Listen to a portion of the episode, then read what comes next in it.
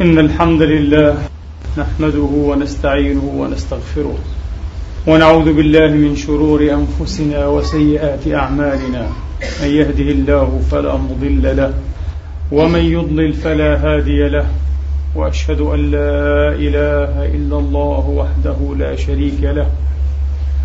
وأشهد أن سيدنا ونبينا وحبيبنا محمدا عبد الله ورسوله وصفوته من خلقه. صلى الله تعالى عليه وعلى آله الطيبين وصحابته المباركين وأتباعهم بإحسان إلى يوم الدين. عباد الله أوصيكم ونفسي الخاطئة بتقوى الله العظيم ولزوم طاعته. كما أحذركم وأحذر نفسي من عصيانه ومخالفة أمره لقوله سبحانه وتعالى من قائل من عمل صالحا فلنفسه ومن أساء فعليها وما ربك بظلام للعبيد. ثم أما بعد أيها الإخوة المسلمون الأفاضل أيتها الأخوات المسلمات الفاضلات يقول الله سبحانه وتعالى في كتابه العزيز بعد أن أعوذ بالله من الشيطان الرجيم. بسم الله الرحمن الرحيم. والليل إذا يغشى والنهار إذا تجلى وما خلق الذكر والأنثى الأنثى وما خلق الذكر والأنثى إن سعيكم لشتى. فأما من أعطى واتقى وصدق بالحسنى فسنيسره لليسرى. وأما من بخل واستغنى وكذب بالحسنى وكذب بالحسنى فسنيسره للعسرى. صدق الله العظيم وبلغ رسوله الكريم. ونحن على ذلك من الشاهدين. اللهم اجعلنا من شهداء الحق القائمين بالقسط. أيها الإخوة الأفاضل أيتها الأخوات الفاضلات أود في هذه الخطبة أن أناقش موضوعا من الموضوعات التي تختص بالمرأة. والمرأة قضية لا أقول شائكة أو ملتبسة ولكن يمكن لنا أن نقول بكل طمأنينة إنها قضية القضايا إنها قضية القضايا. وللأسف تستخدم هذه القضية سواء في الداخل أو في الخارج للنيل من الإسلام. والتشكيك في مصداقيته وصلوحيته. هذه القضية التي سأحاول مناقشتها على جهة الإجمال والاستعجال هي قضية المصطلح الجديد الذي يفوق كونه مصطلحا.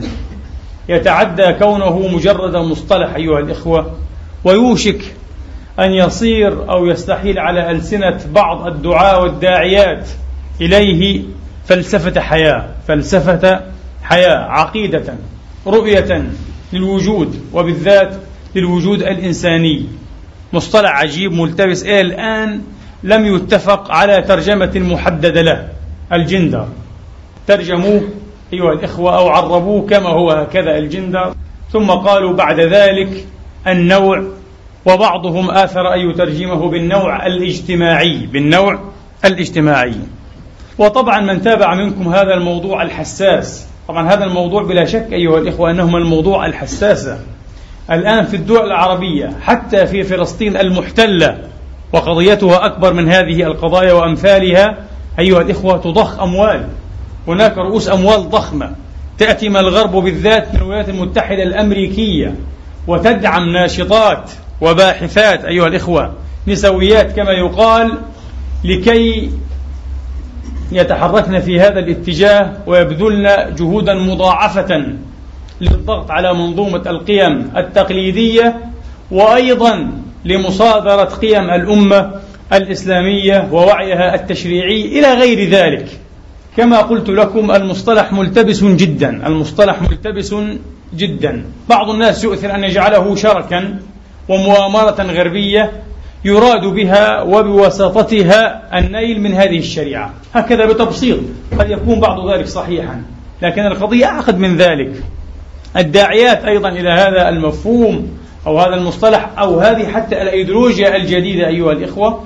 كما قلت لأنها تتعدى كونها مجرد أداة تحليلية أو مفهوما أو مصطلحا يأخذن وجهة مخالفة. ويقول في تعريف هذا المصطلح الملتبس إن النوع الآن بفضل طرح هذا المصطلح وقد طرح لأول مرة على مستوى عالمي أيها الإخوة في مؤتمر بكين وأيضا في مؤتمر القاهرة للسكان المشهور. آه طرح هذا المؤتمر وورد في أكثر من 254 موضعا في مؤتمر القاهرة. في كل الفقرات ورد هذا المصطلح الجديد. في تأكيد يوجد تأكيد وضغط شديدان على هذا المصطلح. يراد له أن يسوق ويراد له أن يعمم ويراد له أن يكرس في القاموس أو في المعجم الثقافي وفي حياة الناس وحياة الأفكار أيضا المعيشة. يقولون بفضل استخدام هذا المصطلح الجديد تسنى لنا أن نتحدث عن النوع أيها الإخوة بتقسيم جديد فهناك نوعان النوع البيولوجي النوع الحيوي يعني والذي تم من قديم بموجبه تقسيم الإنسان إلى جنسين الذكر والأنثى الرجل والمرأة وفق محددات عضوية محض وفق محددات عضوية.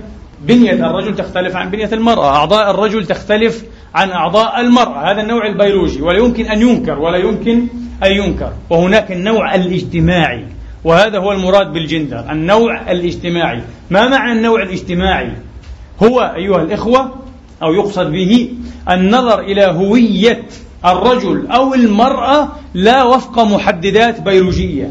إنما وفق محددات ثقافية اجتماعية. حين نقول رجل ماذا يمكن أو بماذا يمكن أن توحي إلينا هذه الكلمة؟ بجملة أشياء كثيرة جدا أيها الإخوة بجملة أشياء كثيرة جدا. على رأسها احتكار هذا الجنس لسلطات كثيرة واستبعاد وإقصاء المرأة عن دائرتها. واستبعاد وإقصاء المرأة هذا معنى كلمة رجل هذا معنى كلمة رجل. من الصعب جدا إذا أطلقنا أيها الإخوة مصطلح رجل. وتداعيات هذا المصطلح القيادية مثلا آه، كرئيس أن تأتي صورة المرأة أبدا الذي يأتي مباشرة صورة الرجل في هذه المناصب القيادية لأن هذا بعض ما يعنيه هذا الجنس جنس الرجل جنس الرجل. هذا وفق محددات عضوية أو ثقافية يقولون لا ثقافية اجتماعية. المجتمع هو الذي أراد ذلك. الثقافة الذكورية الرجولية عبر أكثر من عشرة آلاف سنة هي التي فعلت ذلك. وقد كان الوضع مختلفا قبل ذلك في بعض فترات التاريخ أو ما قبل التاريخ. على كل حال وهكذا أيضا حين نقول المرأة أو الأنثى مباشرة أيها الإخوة يوحي إلينا هذا اللفظ المؤشر إلى هذا الجنس بصور كثيرة جدا ومفهومات متداخلة. يقولون الثقافة هي التي حددتها. الثقافة والمجتمع وبنية المجتمع الاقتصادية والثقافية وغير ذلك وليس النوع ليس المحددات العضوية. ويستندون إلى كلمة قالتها الفيلسوفة والأديبة الفرنسية المشهورة سيمون دي بوفار في كتابها الجنس الآخر؟ الجنس الآخر. ولم تقصد ربما بها أن تصل إلى هذا الموصل لكنها أصبحت تشكل ما يشبه الخلفية الفلسفية. آه لهذا المفهوم الجديد الجندر. حين قالت إن المرء لا يولد امرأة إنما يصير كذلك. إن المرء لا يولد امرأة إنما يصير كذلك. يعني مفهوم المرأة أيها الإخوة كما تحدده الثقافات البشرية ليس مفهوما يستند إلى تميزات عضوية بيولوجية وإنما يستند ويمتح من ماذا؟ من محددات اقتصادية ومجتمعية وثقافية. بالضبط هذه هي الخلاصة التي يجتمع عليها كل الدعاة والداعيات إلى هذا المفهوم الملتبس الجديد. وقد يبدو هذا الكلام منطقيا جدا. قد يبدو هذا الكلام منطقيا جدا. بادئ النظر أول الأمر. يقال فعلا لما تحرم المرأة مثلا من كذا ويسمح للرجل بمزاولة هذا النشاط؟ هذه مسألة ثقافة مسألة مجتمع. وهذا الذي يريد أن يصل إليه الجندريون والجندريات. ما هو أيها الإخوة؟ أن الموضوع ينبغي فقط أن يستند إلى معيار الكفاءة والاقتدار. إذا كانت المرأة كفؤة أو كفيئة أن تحل في هذا المنصب فلتفعل. وينبغي على الثقافة أن تتأخر. حتى إذا كان الدين أحد مكونات هذه الثقافة. ينبغي أن يتأخر. الموضوع يستند إلى الاقتدار إلى الكفاءة. ليس إلى ذكورة وليس إلى أنوثة. وهذا كما قلت لكم يعني أحد الأشياء المطلوبة. أحد الأشياء المطلوبة كنتائج أو نتاجات جديدة لتدعيم هذا المصطلح الجديد. مصطلح النوع الاجتماعي مصطلح النوع الاجتماعي. مثلا يقولون مع الثورة الصناعية أمكن تقسيم الحياة إلى قسمين. القسم الخاص برايفت يعني والقسم العام الببليك القسم العام تقريبا شبه محصور في مناشط الرجال. الرجال هم الذين يمارسون الحياة العامة بالذات الجانب السياسي منها. والجوانب الأخرى القسم الخاص هو المنزل. وهذا حكر على المرأة. هذا بدأ مع الثورة الصناعية. بمعنى ماذا يعني؟ ما معنى الثورة الصناعية؟ حين تغير أو تغير صورة الاقتصاد من اقتصاد المعيشة من اقتصاد المعيشة أو اقتصاد المعاش والذي كان يعتمد أكثر ما يعتمد على الاقتصاد المنزلي. وبالمناسبة كلمة أوكونومي أو كلمة الاقتصاد في الأصل كلمة إغريقية تعني تدبير المنزل. تدبير المنزل هذا هو اقتصاد المعاش. اقتصاد المنزل واقتصاد المزرعة. اقتصاد المزرعة بما فيها من مزروعات ومستنبتات وما فيها من دواجن وحيوانات مستأنسة أيها الإخوة. حين تحولت هذه الصورة من اقتصاد المعاش إلى الاقتصاد ماذا؟ التصنيعي. وجب هذا الفصل والتمييز وجب هذا الفصل والتمييز. أول الأمر في البداية فصارت المرأة قاعدة البيت أيها الإخوة وصار الاقتصاد البيتي أو المنزلي اقتصاد المعيشة أو المعاش لا ينظر إليه على أنه اقتصاد. وهذا ألقى بظلاله أيها الإخوة ألقى بظلاله إلى يومنا هذا على نظرة الجميع إلى المرأة. هنا بالذات في الغرب إنهم يدرجونها ضمن قوائمة اليوزلس غير المنتجين فقط. المستهلكين هي تستهلك ولا تنتج المرأة. مع أنها تقوم بكل ما تقوم به في البيت في بيتها. لكنها من هؤلاء اليوزلس أو المستهلكين غير المنتجين. وأما المنتج الحقيقي صاحب النجاعة وصاحب المردودية وصاحب العطاء فهو الرجل الذكر. الجنس الآخر الجنس الآخر. الرجل وليست المرأة. هكذا كانت البداية أيها الإخوة. هكذا كانت البداية. بعد ذلك قد يسأل بعضكم لكن لم تعالت أصوات النسويات والداعيات إلى حقوق المرأة وتمييز المرأة بل وتفضيل المرأة حتى انتهى الأمر الآن ببعضهم بل بكثير منهم أن يدعوا المرأة يسموها better half يعني النصف الأفضل الشطر الأفضل الشق الأفضل ليس المكمل وليس الند الأفضل. هكذا انتهت إيه؟ القصة ببعضهم طبعا. انتهت القصة ببعضهم. لما؟ لما تعالت هذه الأصوات؟ لأن الوضع تبدل طبعا. هكذا كان مع البدايات الأولى للثورة الصناعية. لكن بعد ذلك حدث تطور دراماتيكي هائل جدا أيها الإخوة. واضطرت المرأة أن تخرج من منزلها وأن تضحي آه، بدفء الأسرة وبالواجب المقدس بوظيفة الأمومة بل بحق الأمومة وسنثبت في هذه الخطبة أن الأمومة حق وليس مجرد وظيفة حق مقدس من أعظم حقوق المرأة ضحك عليها خدعت للأسف الشديد المرأة المسكينة وضحت بهذا الحق من أجل ماذا؟ من أجل أن تخرج وتشارك في العام في الحياة العامة في الحياة العامة لماذا؟ ما الذي فرض ذلك؟ هل هي اعتبارات ثقافية؟ غير صحيح الثقافة كانت تابعا دوما وسنثبت لكم ذلك اعتبارات اقتصادية تصنيعية. ولقد تساءلت فيما بيني وبين نفسي هل هي روح الرأسمالية التي فعلت ذلك أم روح الرأسماليين؟ وفرق كبير بين إيه؟ الأمرين أيها الإخوة. هل روح الرأسمالية هي التي فرضت ما حدث أم هي روح الرأسماليين؟ وأجيب بغير تردد هي روح الرأسماليين. لأن الرأسمالية لو كان لها وعي كلي أيها الإخوة واختارت لما اختارت أن تختار الذي وقع. لأن الذي وقع يعمل الآن ضمن الصيرورة وسيعمل أيها الإخوة في المآل على انقراض الجميع على انقراض الرأسمالية والرأسماليين على خسارة الجنسين الذكر والأنثى على خسارة كل شيء. ولذلك لا يمكن أن تكون هذه روح الرأسمالية. إنها روح الرأسماليين كأشخاص جشعين. هم الذين بالتالي بلوروا أكذوبة كبرى اسمها رأسمالية. يبدو أنه لا يوجد رأسمالية يوجد رأسماليون ومن هنا نزعة التنافس غير الأخلاقي وغير الإنساني ونزعة الاستعباد ونزعة التسليع ونزعة الإلغاء أيها الإخوة ونزعة تدمير كل منظومة القيم التي تعارف عليها البشر سواء كانت مصادرها سماوية أم أرضية اجتهادية. كل هذا بسعي الرأسماليين كيف؟ كيف أثبت أن هذا هو مسعى الرأسماليين وليس مسعى الرأسمالية أيها الإخوة؟ طبعا براهين كثيرة جدا. من أقواها هذا البرهان. نحن الآن في بداية الألفية الثالثة. مع نهايتها بعد زوال ألف سنة أيها الإخوة. يقول العلماء والدارسون ستكون أوروبا هذه قارة أشباح. سينقرض السكان بالكامل. لن يوجد فيها أحد. طوكيو أيضا ستكون مدينة أشباح. عام 2050 أيها الإخوة. يعني بعد 50 سنة الآن فقط. ليس بعد ألف سنة.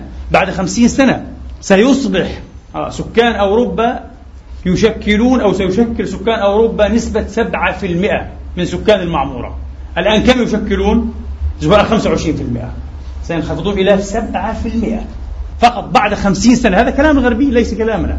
كلامهم كلام الدارسين كلام الدارسين. اليوم في بريطانيا المملكة المتحدة أيها الإخوة امرأة واحدة من بين كل خمس نساء ترفض الإنجاب. لا تريد. تريد زواجا بلا إنجاب. في نفس الوقت الفكر الرأسمالي أيها الإخوة يحدثنا فكر هؤلاء بالذات فكر المنظرين الرأسماليين وليس الرأسماليين المثرين المتمولين المتأثلين للثروات. فكر الرأسماليين الذين يستفيدون الفتات بطريقة طفيلية أيها الإخوة بالتنظير وبالتجريد الفكري. هذا الفكر التنظيري التجريدي يقول أيها الإخوة يقول هناك معادلة التجديد الحيوي البسيط للمجتمع. هكذا يسمونها. التجديد الحيوي البسيط للمجتمع. لكي يتجدد المجتمع آه، حيويا. ويبقى أيها الإخوة أو تبقى ضمانة بقاء وامتداد هذا المجتمع على الأقل الحد الأدنى الحد الأدنى. للإنجاب ينبغي أن يكون ثلاثة أطفال من كل امرأة.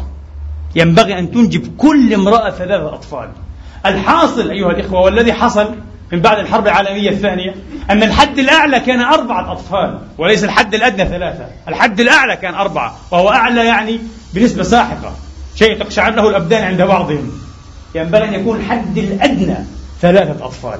بهذه المعادلة البسيطة أيها الإخوة لنعد الآن لنقوم معادلة العمل ضمن أقطابها الثلاثة المرأة والطفل المرأة العاملة طبعا أعني المرأة العاملة والطفل والعمل. لا بد أن أحد هذه الأطراف سيتضرر. مستحيل. لا يمكن أن نكسب العمل المردودية النجاعة الاقتصادية والطفل والمرأة. مستحيل. لا بد أن يتضرر أحد هذه الأقطاب أو الأطراف الثلاثة وهذا هو الحاصل. ولكن السؤال أي هذه الأطراف أكثر تضررا؟ الطفل. هذا الذي حصل ويحصل للأسف الشديد. الطفل أيها الإخوة. الطفل. لقد أفهم الرجال وأنا سأصل إلى لب الموضوع. لأقول لكم ولخصه بكلمة واحدة. كل ما حدث هو خديعة الرجال. كل ما حدث هو خديعة الرجال الرأسماليين. خدعوا من؟ أكبر مخدوع وأكبر مضحوك عليه بالعامية هي المرأة. ومن شاء أن يتوسع في هذا المعنى والشواهد كلها تؤيده وتصادق عليه. ليعد إلى دراسات الفيلسوف النفسي عالم النفس التحليلي الشهير وهو أحد مشاهير تلاميذ سيغموند فرويد. بيير داكو. الفرنسي له دراسات كثيرة وهو مؤسس تقريبا لعلم جديد علم نفس الأعماق علم نفس الأعماق. لقد أتى بمئات البراهين بمئات البراهين على أن هناك خدعة رهيبة أيها الإخوة رأسمالية قام بها الرجل بذكائه بخبثه بإبليسيته ووقعت المرأة في شركها ووقعت المرأة الأنثى في شرك دون أن تدري المسكينة. ومن هنا انتظروا أو انتبهوا. الآن بعض هؤلاء الناشطات في الغرب بدأنا يدرك أن المسألة ليست مسألة تساؤل إذا أردنا أن نتساوى مع الرجال فنحن الخاسرات أيضا. وسيكون بتعبير بيير داكو سيكون إيه؟ نساء خائبات ورجالا فاشلين. لن تبقى المرأة مرأة ولن تستطيع أن تكون رجلا. لماذا؟ لأن كل ما حدث إنما حدث كل هذه المضطهدية كل هذا الاضطهاد كل هذه المقهورية في حق المرأة المسكينة التي كتبت على صفحة روحها وأحيانا على صفحة بدنها عبر مئات السنين إنما تمت إيه؟ بفعل الرجل بسلطة الرجل الذكورية. نعم دائما كان يفعل ذلك لمزيد استعباد المرأة لمزيد استعباد المرأة وتسليعها وجعلها دائما تحت جناحه طبعا والأسباب كثيرة جدا جدا أنا أنصح بالعودة إلى داكو فالرجل يعني تعمق بشكل غير مسبوق آه، في الآليات التي استخدمها الرجال وفي الدوافع التي دفعتهم إلى ذلك. وأقواها خوف الرجل من المرأة. هناك خوف شبه غرزي يخاف الرجل من المرأة. ولذلك هو يريد إيه؟ أن يسطحها أن يجعلها ذا بعد واحد أن يفقدها هويتها أن يفقدها شخصيتها. وهذا إلى حد بعيد جدا صحيح. والثقافة والموروثات تؤكده. لدى كل الشعوب. طبعا بعضكم يحسب للأسف وهذا بتأثير أيضا الدعايات والأبواق الغربية أن المرأة فقط في الشرق آه. مضطهدة. بالعكس المرأة في الغرب أكثر اضطهادا. ذاك قال بالعبارة بالنص والفصل قال لم يسبق في تاريخ الجنس البشري أن امتهنت المرأة وصودرت كرامتها وسلعت كما حدث في الغرب في القرن العشرين. أسوأ فترة في حياة المرأة في تاريخها كله هي الفترة الآن التي تعيشها المرأة الغربية المسكينة. بخبث الرجل بمكر الرجل الرجل الغربي نفسه. ويأتي بوقاء عجيب هذا الرجل. على كل حال على كل حال. نعود إلى النقطة الأصلية. لا بد أن أحد الأطراف الثلاثة سيتضرر كما قلنا والأكثر تضررا هو الطفل. لأن المرأة ضحت بماذا؟ ضحت بالبيت بالحنان بالدفء الأسري. ضحت بحق الأمومة. وبواجب الأمومة أيضا هو حق وواجب في نفس الوقت. وخرجت لماذا؟ لكي تكون يدا عاملة رخيصة. وهي إلى الآن لم تصل إلى إيه؟ إلى نقطة أو إلى حد أن تتساوى في الأجر مع ماذا؟ مع الرجل. من أيام الثورة الفرنسية التي أطلقت شعار أيضا كان لها شعارات كثيرة ككل الثورات طبعا. ككل الثورات. كان أحد شعاراتها من له الحق أن يقاد إلى المقصلة فله الحق أن يعتلي المنبر. يعني من كان يجب أن يؤدي ضريبة أي الدم ضريبة أن يطوح بعنقه برأسه لأنه يقول كلمة المضطهدين والمستضعفين فلا بد أن تكون له كلمة إذا لابد أن يتكلم مهما كلفه ذلك. وكما قال ماركس ما الذي سيخسره المضطهدون؟ قيودهم. لن يخسروا أكثر من قيودهم. أليس كذلك؟ هم حياتهم سيخسرونها. إذا لابد. ومن هنا إحدى الداعيات النشيطات لحقوق المرأة وكانت أول داعية تقريبا في الغرب في فرنسا قامت وحدثتكم بهذا أكثر من مرة لكي تضيف سبعة عشر بندا إلى وثيقة ماذا؟ إعلان حقوق الرجل. الثورة الفرنسية لم تتحدث عن إعلان حقوق الإنسان. إنسان ماذا؟ الإنسان يعني الذكر والأنثى. لا. إعلان حقوق الرجل. يولد الرجل حرا. ها أول مادة في وثيقة حقوق إعلان إيه؟ حقوق الرجل الفرنسية. فقامت إيه؟ المدام دي كولومب هذه وأضافت سبعة عشر بندا. وصدقت الثورة الفرنسية أيها الإخوة مبدأها وشعارها وقتلت رأس هذه المرأة. لأنها تجرأت أن تتحدث عن إيه؟ عن حقوق للمرأة. مرأة ماذا؟ هذه الثورة الفرنسية. الآن بعض المغفلين حتى في مصر للأسف وفي غير مصر طبعا بمناسبة مرور كذا وكذا على على الحملة الفرنسية على مصر يتحدثون عن مبادئ الثورة الفرنسية عن كذا. شيء غريب. مبادئ ماذا؟ مساكين أنتم. تتركون الإسلام وتتحدثون عن مبادئ الثورة الفرنسية. قتلت رأس هذه المرأة لأنها تجرأت. أيها الإخوة فرنسا. متى اعترفت فرنسا بحق المرأة في التملك؟ يعني متى اعترفت بذمتها المالية؟ متى استطاعت المرأة في فرنسا أن تفتح حسابا جاري في البنك؟ 1936 قبل ذلك ممنوع. ليس. ليس لديهم اعتراف بأن لها حق أن تتملك أي شيء. في بريطانيا أيها الإخوة الذين أعلنوا الماجنا كارتا في القرن الثاني عشر.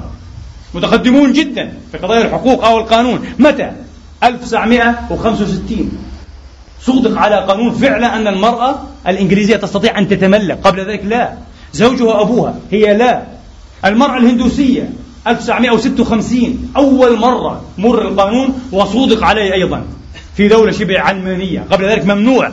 لكن الإسلام من أول يوم ماذا قال؟ بالعكس جعل المرأة هي المعيار أيها الإخوة هي الأصل الذي يقاس عليه. وقال للذكر مثل حظ الأنثيين. ولم يقل للأنثى نصف نصيب الذكر. قال بالعكس للذكر مثل حظ الأنثيين فحظه هو الثابت وهو الذي يعير به هو الستاندرد. ثابت راسخ لا يمكن.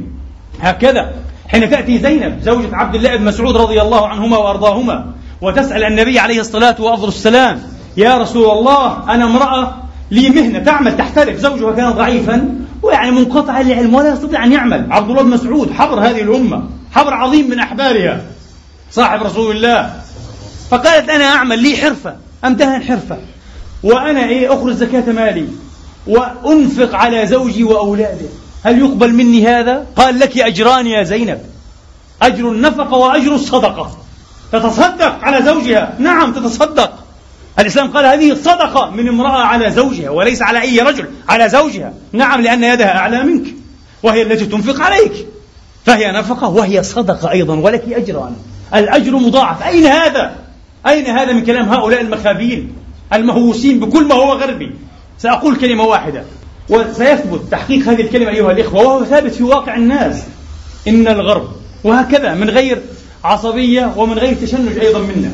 إن الغرب مع استبحاره في العلوم المادية استبحارا يشكر ويقدر أيها الإخوة. ولا ينكر إلا أنه لا يمكن أن يكون قدوة لنا في فلسفة الحياة. في النظر أيها الإخوة إلى القيم الإنسانية. أبدا لا يمكن. في النظر إلى القيم الإنسانية. في النظر إلى الإنسان فردا أو جماعة. إلى المرأة إلى الرجل إلى الطفل. لا. بل سنقول كلمة هي أبلغ من ذلك. إن نمط الحياة الغربي هو مثال ممتاز. لماذا؟ مثال ممتاز. لما يجب ألا تكون عليه الحياة. لما يجب ألا نحيا. لما يجب ألا نعيشه. أدباء لا معقول مثل بيكيت يونسكو كامو بيرانديلو الإيطالي وغير هؤلاء. كل أدباء لا معقول. صوروا ما يعرف في أدب لا معقول بالجحيم الزوجي. الأسرة أصبحت جحيما. القرآن يحدثنا لتسكنوا إليها. سكن. وجعل بينكم مودة ورحمة. هن لباس لكم وأنتم لباس لهم. وهم يقولون وهذا حق لا تستطيع أن تقول إن الأمر ليس كذلك. إن الأمر كذلك. لأن واقعهم كذلك الجحيم. يتحدثون كلهم عن الجحيم الزوجي. وتأتي صاحبة الجنس الآخر سيمون دي بوفار وهي امرأة وخبيرة فيلسوفة وأديبة وروائية. آه وكاتبة كبيرة. تأتي لتسجل بالحرف وتقول هذا الجحيم الزوجي. أيها الإخوة غدا شيئا معتادا في حياتنا اليومية. لماذا؟ لكثرة ما ألفناه واعتدناه بفعل الاعتياد لكنه مع ذلك وفي نفس الآن يشكل قعر بؤس حياتنا المعاصرة. القاع قاع البؤس قاع فعلا جحيم جحيم الحياة الزوجية. في الأسبوع الماضي حدثني أحد أحبابي هنا في المسجد قال لي هل تعلم هنا إحصائية في النمسا حديثة جدا كم نسبة أو ما هي المدة التي يلتقي فيها الزوج بالزوجة في المتوسط؟ في المتوسط بالمتوسط الحسابي يعني. هنا في النمسا كم؟ كم يجلس عليها؟ خمس ساعات يوميا؟ سألت أحد العرب قال يعني ربما قليل. سبع ساعات قلت له مسكين. سبع ساعات كثير جدا جدا. هل يفعلها واحد منا؟ تسع دقائق. تسع دقائق. ولذلك قال لي هذا الأخ ما ذكرته بالخطبة لا ينطبق عليهم قلت هذا حق. حين يخرجون في الأورلاو أيها الإخوة في العطل هذه خاصة الإجازات السنوية مع بعضهم البعض يخطئون ويخرج الزوج مع الزوجة عشرين يوما عشرة أيام ثلاث أسابيع أكثر أقل ترتفع نسبة حالات الطلاق بعد ذلك. طبعا لأنه لم يعتد أن يجلس إليها فإذا جلس إليها يجد استقطابا كبيرا جدا جدا هي في عالم وهو في عالم. هي مزاجها لأول مرة يكتشفها وأنها لا تناسبه وهي تكتشف لا يناسبها بالمرة فترتفع نسبة الطلاق. هذه حياتهم. الجحيم الزوجي. الفيلسوف الماركسي. الإصلاحي. هربرت ماركيوز أو ماركيوزي. يتحدث عن الحالة الروحية لهذا العالم الغربي أيها الإخوة. يسميها ماذا؟ die Mitternacht der Welt. منتصف ليل العالم. هكذا بالضبط. منتصف ليل العالم. يعني الآن في ذروة حندس الليل أيها الإخوة. في الذروة ذروة الظلام. ذروة الانطماس. ذروة الحلكة. لا شيء لا شيء واضح. ومن هنا فلسفة التشاؤم. نسبة الانتحار الانتحار العقلي والخيالي والمسلكي أيضا وليس الانتحار إيه البدني الحسي. حتى الانتحار الخيالي والانتحار المسلكي. منتصف ليل العالم. ليل العالم الغرب طبعا منتصف ليل العالم الغرب. هذا هو الجحيم حقا هذا هو الجحيم حقا. ولذلك نعم نمط حياتهم هو أحسن نمط لما ينبغي ألا إيش تكون عليه الحياة. هكذا فاعتبروا يا أولي الأبصار. ينبغي أن نفهم هذا. فنعود إلى قضية الأطراف الثلاثة. إلى قضية الأطراف الثلاثة. لماذا الطفل بالذات؟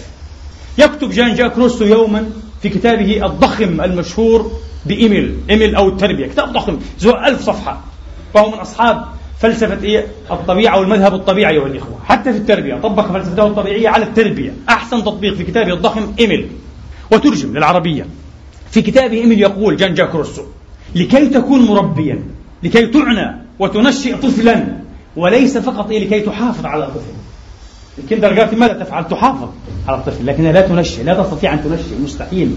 لا تستطيع أن تضخ. ذلكم الكم الأحاسيس والعواطف الدفيئة أيها الإخوة والمشاعر الحانية. من نفس المربي المأجورة. أليس كذلك؟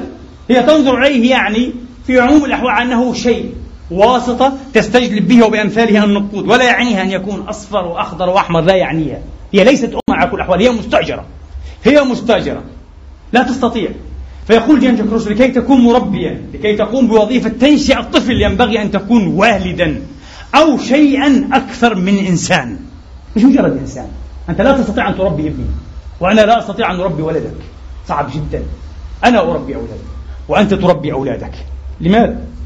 لأنه جزء كبير أيها الإخوة يقوم على حافة الوعي واللاوعي على حافة الإدراك والغريزة.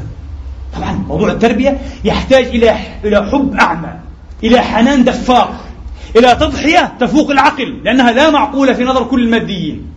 قرأت في كتاب جولمان دانييل جولمان الذي حدثتكم عنه في الأسبوع الماضي الذكاء العاطفي emotional intelligence. في أول كتاب في أول فصل الكتاب قصة تستذرف الدمع فعلا من المآقي والشؤون. قصة باختصار أبوان. ولم يرزق إلا بطفلة واحدة شاء القدر أن تكون معوقة أو معاقة على كرسي. ووقع حادث بين قطارين كانوا إيه يستقلون أحدهما. وشبت إيه النار والحرائق في هذا القطار. ولاذ كل بالفرار إلا هذين الأبوين الرحيمين. أبوان أبوان. فظل يمارسان محاولة إنقاذ البنت القعيدة في ظروف صعبة جدا حتى استطاع أن يلقي بها في النهر. ثم جاء بعد ذلك إيه؟ سبحوا الإنقاذ وأنقذوها. لكن الأبوين كليهما قد قضيا. تضحية فوق معقولة. لا يستطيع أن يفهمها الفكر المادي. الفكر العلماني فكر التسليع والتشييع لا يستطيع أن يفهم هذا الشيء. كيف يمكن لأب وأم أن يضحي بأنفسهما حرقا بالنار من أجل إنقاذ بنت قاعدة على كرسي رول؟ هذا. أقول مثل هذه القصة أيها الإخوة يمكن التعليق عليها بجملة واحدة. بمثل هذه الأحاسيس والمشاعر سنقتنع أن الحياة يمكن أن تعاش. يمكن أن تعاش هذه الحياة نعم إذا بقي فيها أمثال هذه الأحاسيس والمشاعر. بحمد الله المجتمعات العربية والمسلمة دفاقة بأمثال هذه الأحاسيس وبما هو أعظم وألطف وأرهف منها. لكن الحياة الغربية فقيرة جدا منها مجدبة صحراء مغفرة إلا قليلا. هذه قصة عجيبة يعتبرونها يعني قصة خالدة أيها الإخوة. وهذه تحدث ربما إيه كل يوم بالعشرات في بلادنا. ويحدث ما هو أعجب منها. يحدث ما هو أعجب من هذه القصة في بلادنا. يوميا بالعشرات. لكن في هذه الصحراء صحراء التصنيع وصحراء التسليع وصحراء إيه ديانة السوق أيها الإخوة لا يمكن. هذه القصص ندر وقل أن تحدث. وقل أن تحدث أيها الإخوة. طيب نعود إلى كلمة روستو. يقول ينبغي أن تكون والدا أو شيئا ما أكثر من إنسان. مش مجرد إنسان أكثر من إنسان. لكي تربي أو شيئا ما أكثر من إنسان. قال ولكننا بضمير مستريح ندفع بأطفالنا إلى أولئكن اللاتي يسمين بالمستأجرات. مربيات طانتي بتاعت الطفل بأجر شهري. وندفع بأطفالنا إيه؟ إليهن.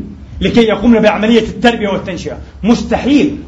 ثم يتساءل الرسل هل تريدون الحل؟ أعيدوا الوظائف إلى ما كانت عليه وابدأوا بالأمهات. وسترون تغيرا كبيرا جدا يحدث. وسترون تغيرا كبيرا جدا يحدث. إن كل انحراف إنما يبدأ من هذه الخطيئة الأولى. خطيئة ماذا؟ مصادرة حق المرأة في الأمومة. هذه هي الخطيئة الأولى. أكبر خطيئة. مصادرة حق المرأة في الأمومة.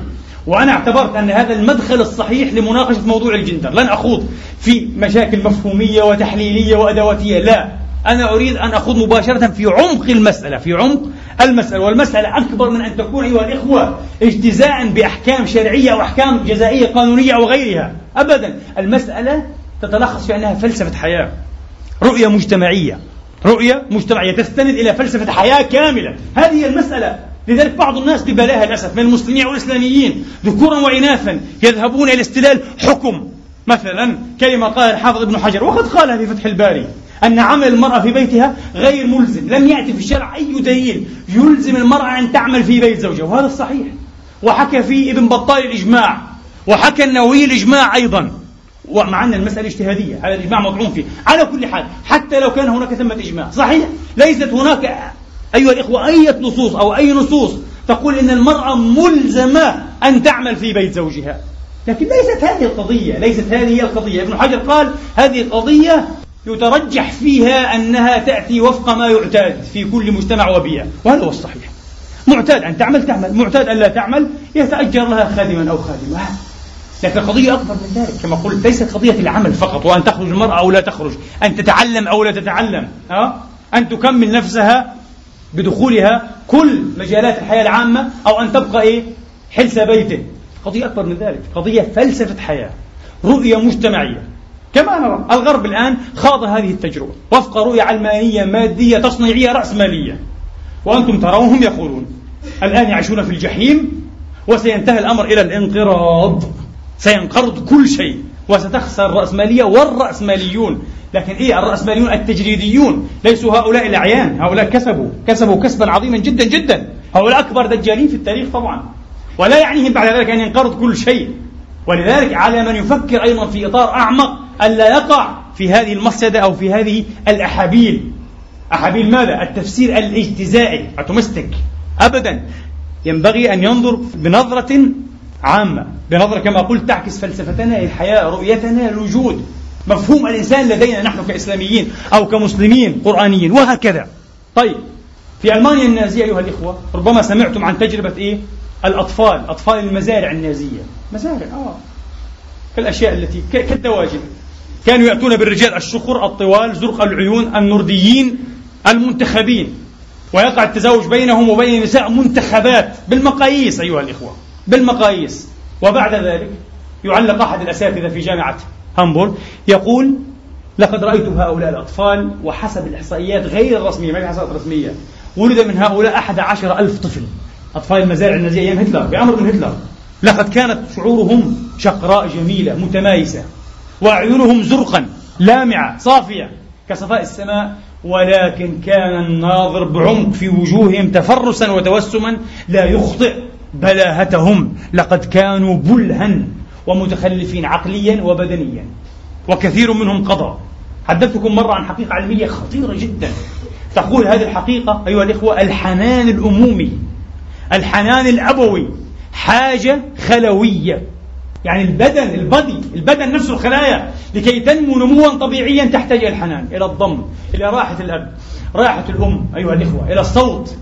إلى دقة القلب إلى الدفء إلى الريح ريح البدن من الأب والأم حاجة خلوية على مستوى الخلية ليس فقط على مستوى الجهاز النفسي السيكولوجي على مستوى البدن ولذلك يعوق أحيانا هؤلاء الأطفال بدنيا يعاقون عقليا دماغيا مساكين فإذا لا يمكن أن يقوم أيها الأخوة بهذه الوظيفة التي تساوي ماذا؟ تساوي حقا هو أول الحقوق البشرية أول حق عرفه الإنسان هو حق ماذا؟ حق الأمومة كما يقول المؤرخون حق الأمومة وهو من أقدس الحقوق وهو بالتالي في نهاية المطاف يساوي ماذا؟ يساوي حق الحياة.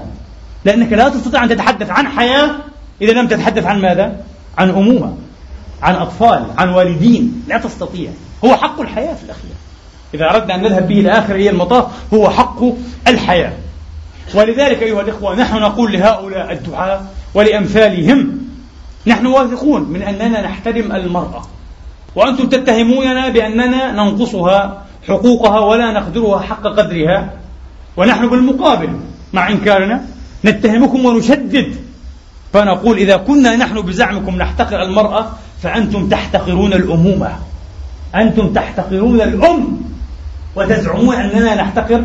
وأنا لا أستطيع أن أفهم أن المرأة يمكن أن تحترم عاملة في بدالة بريد عاملة تسوق. الأوبان أو اشتراء سنبان أيها الإخوة أو الطائرة حتى عاملة في المصانع. طبعا وأيضا هنا أيضا لابد أن ننبه أيضا إلى هذه الحقيقة الإحصائية. حين ضحكوا على المرأة قالوا لها عليك ألا تكتفي بهذا الدور التقليدي الكلاسيكي البالي أن تكوني ربة منزل أو ربة بيت. اخرجي وكوني طبيبة ومحامية وصحافية وكاتبة وإلى آخره. فما الذي كان؟ 2% فقط. إحصائيات الغرب في أمريكا. هذا 2% فقط من النساء كن طبيبات ومهندسات وصحفيات. و98% من النساء عاملات في المصانع والمزارع وفي كل إيه؟ المجالات الأخرى. 98% أي كذب أكبر كذب أيها الإخوة. لقد ضحكوا عليها وأخذوها يدا عاملة رخيصة ولم يوفوها حقها مع أنهم قالوا منذ الستينيات إذا توازى الإيه؟ العملان يجب أن يتوازى الأجران وغير صحيح ولم يفعلوا هذا في الواقع. لقد استغل هؤلاء الرأسماليون مصصوا الدماء الجشعون أيها الإخوة. 2% فقط ضحكوا عليها. فخسرت كل حقوقها ولم تكسب حقوقا جديدة أيها الإخوة. فعلا هي امرأة خائبة ورجل فاشل. لم تستطع أن تكون رجلا. ويأتي بعد ذلك أيها الإخوة سؤال المساواة. يلحون علينا دائما في أن نتحدث عن المساواة. وهذا سؤال مضحك. لأنه غير منطقي. وسؤال غبي جدا جدا. لو فككنا أنا أحب تفكيك الأسئلة والمفاهيم. لو فككنا هذا السؤال هو من أغبى الأسئلة التي سمعت في حياتي. دائما كنت أستشعر أنه لا معنى له. لكن لم يتبلور ذلك على نحو ما في ذهني. لماذا؟ المساواة. تعلمون لماذا؟ ببساطة. هل يمكن أن تقول أيهما أعلى أو أفضل أو أقدس؟ القلب أو الدماغ؟ أنت تحتاج إلى الاثنين. لا تستطيع. سؤال لا معنى له. أيهما أحسن؟ التفاح أو الخوخ سؤال لا معنى مضحك جدا أيها الإخوة. لا معنى له. لماذا؟ التفاضل وبالتفاضل تظهر الفوقية والدونية طبعا. أيهما أحسن؟ أيهما إيش؟ أدنى. أيهما أعلى؟ أيهما إيه؟ أنزل. التفاضل لا يكون إلا إيش؟ إلا ضمن التوحد. إلا ضمن التوحد. لازم التفاضل بين الرجال نعم بين رجلين بين امرأتين. لكن بين رجل وامرأة لا معنى له. لأن الرجل ناقص بغير المرأة. والمرأة ناقص بغير الرجل.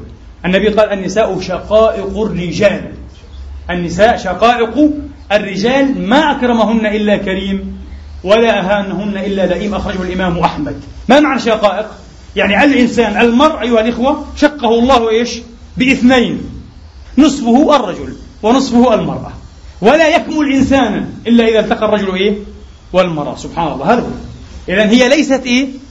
الفترة إيه هاف يعني ليست الجزء الأفضل ولا الجزء الأدنى ولا الجزء المساوي. إذا ما هي؟ الجزء المكمل. وهو أيضا ليس الجزء الأفضل ولا الأدنى ولا المساوي إنه المكمل إنه الجزء المكمل. هو يمين هي يسار. أو لك أن تعكس. هو يسار هي يمين. أحدث الدراسات النفسية تؤكد أن في كل منا أيها الإخوة ذكرا وأنثى كل واحد فينا. وبالعكس أحيانا من صالحك أن يكون فيك إيه؟ يعني معاني أنثوية. والآن طبعا أنت يقشعر بدنك أنثوية. طبعا لأنك صريع العادات والتقليد والمفاهيم غير العلمية طبعا. إذا أردت أن تكون مبدعا يجب أن تكون أنثى. الإبداع أنثوي أيها الإخوة. الإبداع أنثوي. لماذا؟ حيوية المرأة دائما في الداخل كما قلت لكم في الخطبة السابقة. هذه دراسات معمقة جدا عليها براهين كثيرة جدا. في الداخل المرأة أصبر من الرجل معروف المرأة أصبر من الرجل. بعض الناس يستعجب. يقول المرأة إذا مات زوجها مثلا بعد عشرين ثلاثين أربعين سنة من الزواج ممكن تتزوج وتسعد في حياتها. صحيح. وهذا يحدث أكثر. وأما الرجل أيها الإخوة يمكن أن يتحطم لمثل هذا الحادث إذا كان محبا لزوجته. إذا كان محبا ومخلصا لها يمكن أن يحطمه موت زوجته. ممكن أن يموت بعدها بأيام.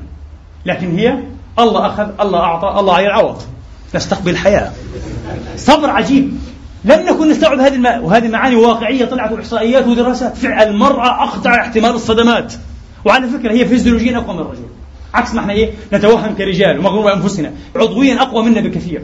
حتى قال أحد العلماء متندرا لو أن أي رجل أي فحل عانى آلام المخاض كالمرأة لمات في ساعته. يموت لا يستطيع أن يحتمل. باليد لا تستطيع. هي أقوى منك. النساء أطول اعمارا إيش؟ من الرجال كما تعلمون. الحيوانات إيه؟ المنوية المؤنثة أيها الإخوة. أكثر إيه؟ وأقوى من إيه؟ وأسرع من المذكر. جنس قوي ليست ضعيفة كما نحسب ولكن عندها فضائل باطنية عجيبة.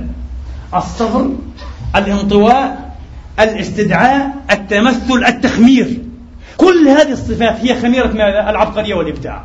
ولذلك كل عبقري كل مبدع لا بد أن يكون إيه؟ زاد فيه. فيما يخص عبقريته ماذا؟ زاد فيه العنصر الأنثوي. بعض الناس يقال إيه؟ سفيه خفيف.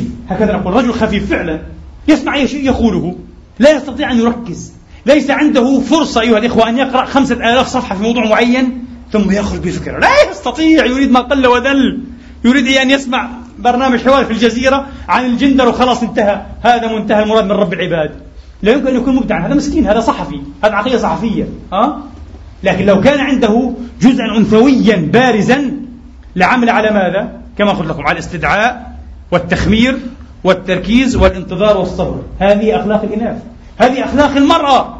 ولذلك الرجل بعكس ذلك هو حيوي وفاعل وخارجي أكثر منه داخليا. كل منا أيها الإخوة والمرأة حين تفعل وتعبر يكون فيها جزء إيش؟ ذكوري. كل منا. لكن الجزء الأنثوي في المرأة أكثر منه تصور عند الرجل بلا شك. والذكوري في الرجل أكثر منه إيش؟ في الرجل منه عند المرأة. وهكذا. فكل منا ذكر وأنثى في نفس الوقت. على المستوى الهرموني. أه؟ الفسلجي العضوي صحيح. كل واحد كلكم قرأتم هذا. فيه الهرمون الأنثوي والهرمون إيش؟ الذكوري. وبعض بعض الرجال المساكين مثل نابليون بونابرت في جزيرة القديس سان كيلان حين نفي ها يقال ارتفعت عنده لأشياء لأسباب مرضية ها.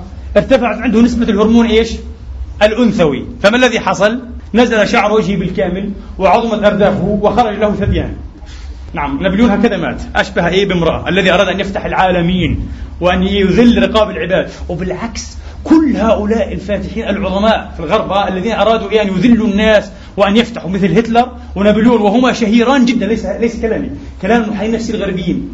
هتلر انظروا فيه. وأنا أعجبت من ذكاء العملاق الفكر العربي عباس العقاد حين التفت إلى هذه النقطة وركز عليها في صفحات كثيرة من كتابه هتلر في الميزان. قال الرجل فيه جزء أنثوي كبير جدا. واضح جدا في حركاته وفي حجم ردفيه. كان حجم إذا رأيتوا رسموه في التلفاز حجم ردفيه عظيم هتلر. فهو ثلاثة أرباع أنثى أيها الإخوة.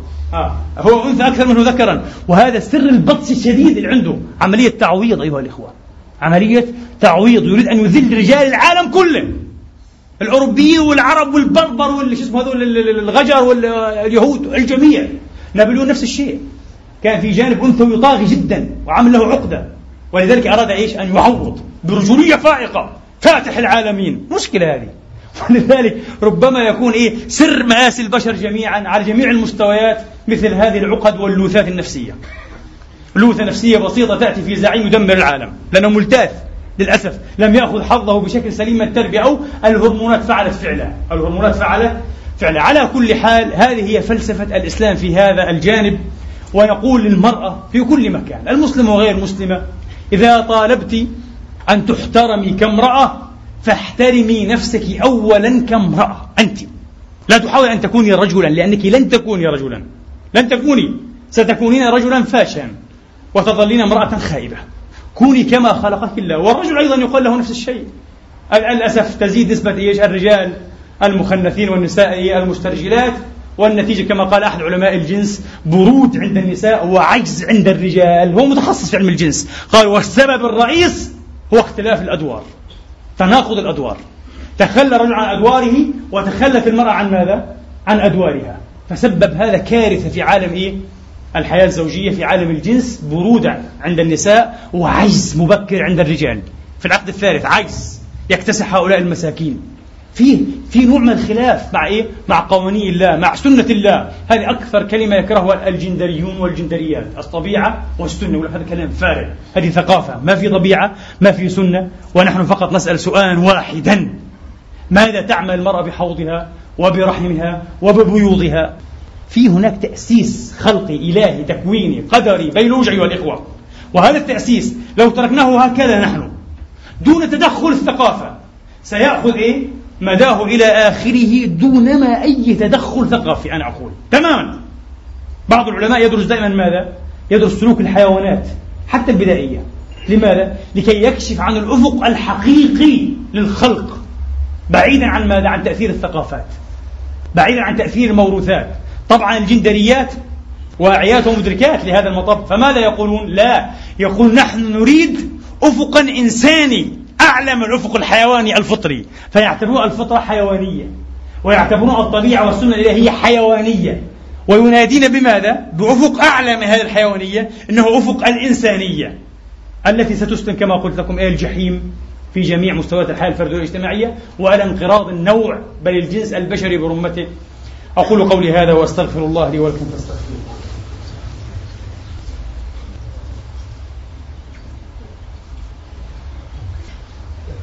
الحمد لله الحمد لله الذي يقبل التوبة عن عباده ويعفو عن السيئات ويعلم ما تفعلون ويستجيب الذين آمنوا وعملوا الصالحات ويزيدهم من فضله والكافرون لهم عذاب شديد وأشهد أن لا إله إلا الله وحده لا شريك له وأشهد أن سيدنا محمدا عبده ورسوله صلى الله تعالى عليه وعلى آله وأصحابه وسلم تسليما كثيرا.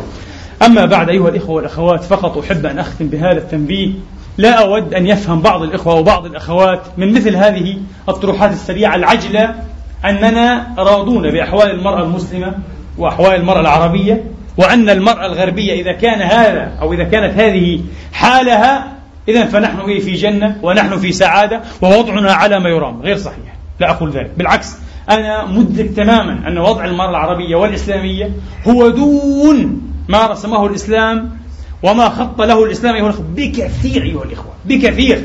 والأعجب من ذلك أن هذا الوضع متفاوت في الزمان ومتفاوت في المكان.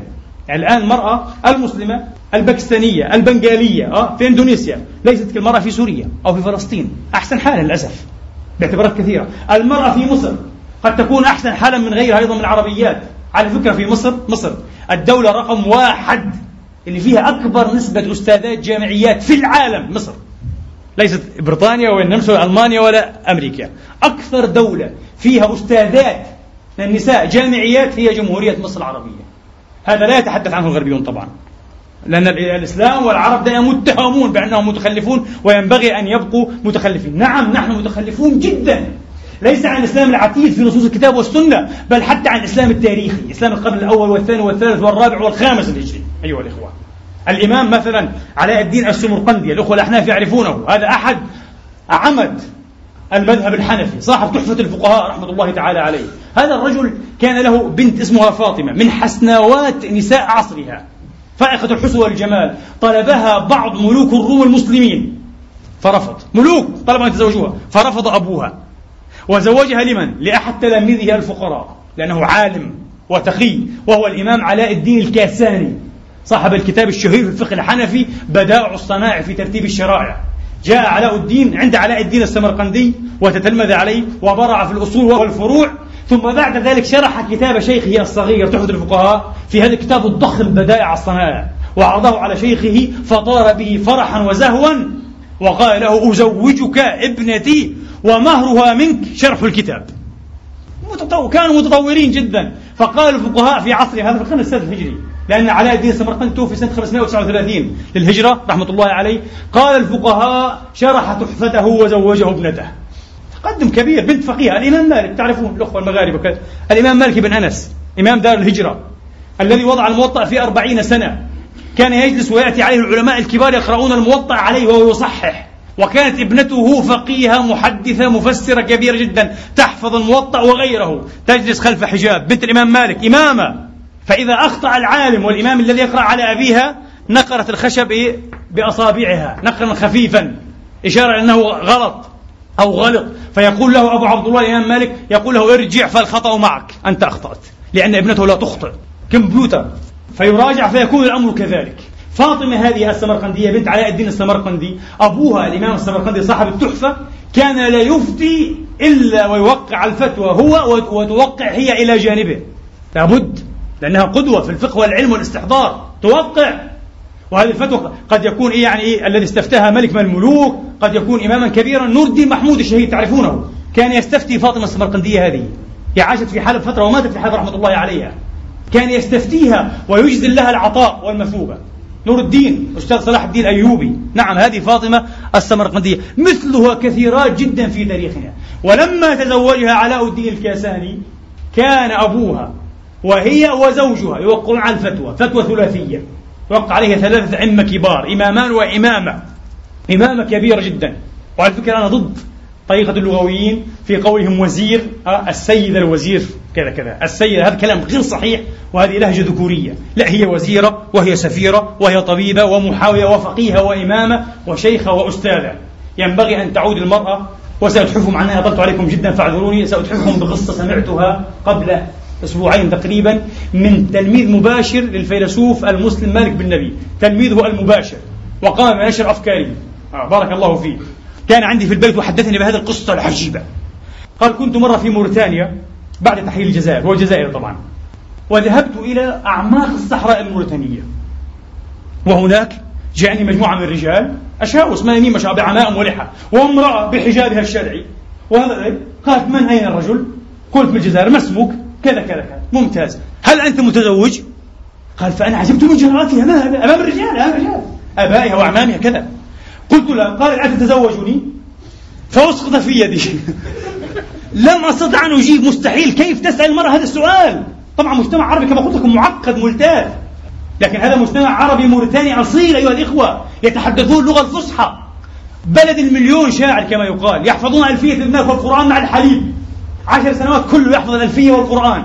هذه موريتانيا. لا يلحنون. القبائل طبعا بالذات القبائل. شيء عجيب. لم يتأثروا بالتأثيرات الغربية وغيرها حداثية على الوضع العربي الإسلامي الأول قبل يمكن 700 سنة أو ألف سنة. أتتزوجني؟ قال أسقط في يدي لم أستطع أن أجيب. تسمى الرجل. فقالت له ما بك؟ ما بك؟ أما سمعت إيه؟ قول الله تبارك وتعالى وامرأة مؤمنة إن وهبت نفسها النبي إن أراد النبي أن يستنكحها خالصة لك من دون المؤمنين. فقلت يا أمة الله لست بنبي. قالت خل عنك هذا. أما قرأت في صحيح البخاري المرأة تخطب إلى نفسها وسقط له الحديث بإسناده. قال ما قرأت وخجلت من نفسي. قال وأدركت في لحظة وميض في لحظة استبصار ثقافي. أدركت ما الذي جرى على ثقافتنا. أدركت أننا نحن الآن كعرب وكمسلمين لسنا عربا أقحاحا ولسنا مسلمين إيه؟ أيها الإخوة حقيقيين. وبدأت أتساءل السؤال الثقافي المعضل متى بدأ الانحراف؟ وما الذي جرى على فهمنا الإسلامي الصحيح؟ أصبحت حياتنا معقدة شائهة الرجل معقدا المرأة معقدة كل تعقيد تعقيد. المؤسسات الإسلامية معقدة إلا من رحم الله. الفتاوى الآن الدنيا قامت ولم تقعد عشان موضوع ختان النساء. أليس كذلك؟ عشان ختان البنات. وفي الحقيقة من اطلع عليه كما يجري وكما هو لا يرضى به لا ذو عقل ولا ذو دين ولا ذو قلب رحيم. والله العظيم. هذا الختان الفرعوني. لا يرضى به إنسان يحترم عقله ولا دينه ولا عاطفته. شيوخ أقاموا الدنيا ولم يقعدوها عشان موضوع الختان. وأحاديثه موضوعة وضعيفة وهالكة. ما في حتى نص واحد قوي صحيح كما يقال يعني يرفع به الرأس. نسأل الله تبارك وتعالى أن يعيدنا إلى إسلامنا عودا حميدا وأن يفتح علينا بالحق وهو خير الفاتحين. اللهم علمنا ما ينفعنا وانفعنا بما علمتنا وزدنا علما. اللهم إنا نسألك ونرغب إليك أن تنصر الإسلام وأن تعز المسلمين. اللهم من أراد بالإسلام والمسلمين خيرا فكن له خيرا معين. ومن أراد به وبهم شرا فخذه أخذ عزيز مقتدر. فإنه لا يعجزك. اللهم واجعل تجمعنا هذا تجمعا مرحوما وتفرقنا من بعده تفرقا معصوما ولا تدع فينا شقيا ولا مطرودا ولا محروما. برحمتك ومنتك يا أرحم الراحمين. عباد الله إن الله يأمر بالعدل والإحسان وإيتاء ذي القربى وينهى عن الفحشاء والمنكر والبغي يعظكم لعلكم تذكرون وأقم الصلاة.